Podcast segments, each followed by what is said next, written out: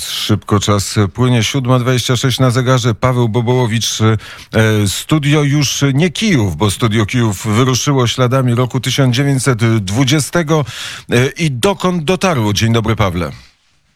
Dzień dobry Krzysztofie, dzień dobry Państwu. Najpierw podsumuję właśnie wczorajszy dzień, tak, bo wczoraj, e, tak jak powiedziałeś, wyjechaliśmy z Kijowa, dotarliśmy do Żytomierza, bo to jest bardzo ważne miasto na tym szlaku 1920 roku.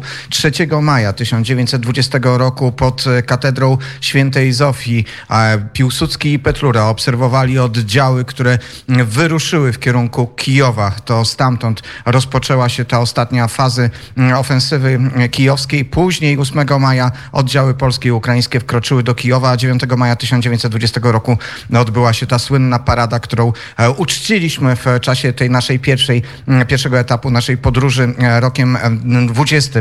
E, I wczoraj w Żytomierzu spędziliśmy dużą część dnia, bo odwiedziliśmy polski cmentarz. To polski cmentarz z, 18, z XIX wieku, a właściwie założenie nawet w XVIII wieku tego cmentarza. Tam są groby między innymi rodów kraszewskich, Moniuszków. E, tam są pochowani rodzice e, Paderewskiego, ojciec Jan i przebrana matka Anna Starnowskich. Ale w Żytomierzu na tym cmentarzu są też prawdopodobnie pochówki naszych żołnierzy z 1920 roku. Byliśmy na mm, dwóch mogiłach. Oczywiście e, jesteśmy cały czas z Dmytro Antoniukiem o tych mogiłach.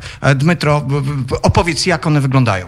Dzień dobry Państwu. Byliśmy na mogile, zbiorowej mogile polskich żołnierzy z 1920 roku, gdzie e, w, są pochowani 20, 30 e, żołnierzy Wojska Polskiego.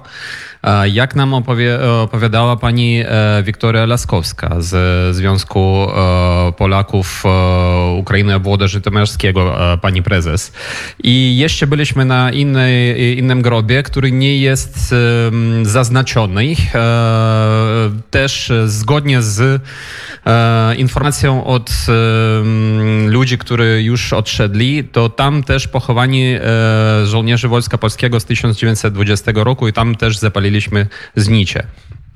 Dwa groby, które na jednym stoi krzyż, na drugim nawet e, nie ma krzyża, ale nie ma żadnej informacji. Pani Laskowska informowała, mówiła nam, e, że wystąpiła do instytucji e, w, w Polsce z, z, prośbą o informację na temat tych miejsc pochówku, czy w ogóle wiadomo, kto, w jakich okolicznościach mógł zostać tam pochowany. I oczywiście przyłączamy się do tego apelu i o jak najszybszą, najszybsze właściwe i godne upamiętnienie tych miejsc. Ale przy tej okazji wczoraj gdy już nadawaliśmy e, pierwsze informacje z tej naszej e, podróży, z tego wyjazdu do Żytomierza, zaczęły do nas napływać informacje od naszych słuchaczy dotyczące innych miejsc, w których jeszcze nie byliśmy, a do których na pewno będziemy musieli się udać. Pan Piotr Korda napisał e, do nas o bardzo ważnym miejscu w Kamiance Strumiłowej, obecnie to Kamianka Buska. Tam jest duża mogiła żołnierzy z 1920 roku.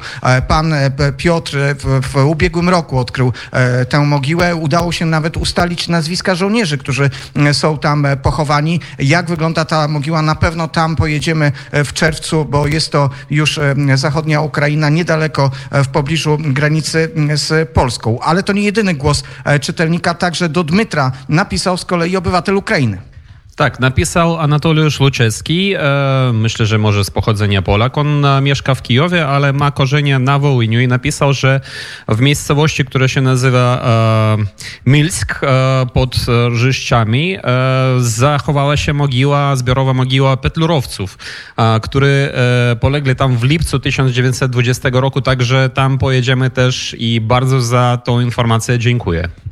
Jesteśmy dzisiaj w Korosteniu, oczywiście nieprzypadkowo. To bardzo ważne miasto na tym e, szlaku 1920 roku, ale związane e, przede wszystkim z późniejszymi wydarzeniami, z końcowego etapu e, tej aktywnej części walk z bolszewikami z październikiem 1920 roku. Tutaj odbył się tak zwany zagon na Korosteń. Potężne walki, potężne polskie uderzenie, szybkie polskie uderzenie, walki między innymi, z, gdzie były zaangażowane sowieckie pociągi pancerne. I i wiemy, że w tych walkach zginęło niestety wielu e, polskich e, żołnierzy. I wczoraj otrzymaliśmy kolejną ciekawą informację.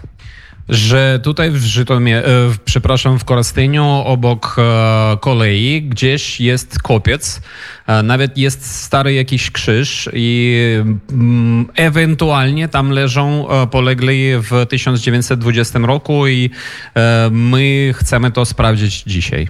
Ja cały czas w głowie mam takie zdjęcie, znane zdjęcie z okresu międzywojennego. Żołnierz, e, koń pochylający się nad grobem żołnierza polskiego Ułana. I to zdjęcie jest podpisane właśnie, że to jest grób polskiego Ułana e, w Korosteniu. Ale do tej pory nigdzie nie było informacji, e, gdzie te groby mogą się znajdować. To pe- zapewne byłaby sensacja i dlatego za chwilę będziemy mieli całą serię spotkań, które być może pomogą nam w wyjaśnieniu tej sprawy, czy w Korosteniu znajdują się pochówki, czy być może ten kopiec e, jest pochówkiem e, polskich żołnierzy e, z 20 roku, ale później ruszymy w okolice Korostenia. Tak, jedziemy najpierw e, na północny wschód. E, obok e, Narodyczów jest miejscowość Dobryń. Tam są 100% pochówki e, e, naszych chłopców. A dalej przez e, Korosteń, wracamy przez Korosteń i jedziemy na południe do wsi Nowiny, obok której zachował się hutor, e, który się nazywa Rudnia. I tam w tej Rudni też mamy e, krzyż i do tego krzyża jedziemy. Ale to nie są takie wielkie upamiętnienia, to są upamiętnienia, które e, należałoby dopiero we właściwy sposób odtworzyć, stworzyć, przywrócić pamięć o tych wydarzeniach z z 20 roku. Bardzo serdecznie Państwu dziękujemy za wszystkie sygnały. Czekamy na dalsze i będziemy sprawdzać te miejsca, będziemy jechać do nich. Każda, nawet drobna informacja może być bardzo ważna. A nasza e, dzielna, dzielna ekipa Radia Wnet będzie e, na antenie od e, każdego dnia. O dowolnej porze prosimy słuchać opowieści Pawła Bobołowicza i jego kompana w Radiu Wnet. Bardzo serdecznie e, dziękuję za rozmowę. Dziękuję serdecznie, pozdrawiamy. E, Po, pozdrawiamy, życzymy miłego dnia. E, Na zegarze godzina 7.33.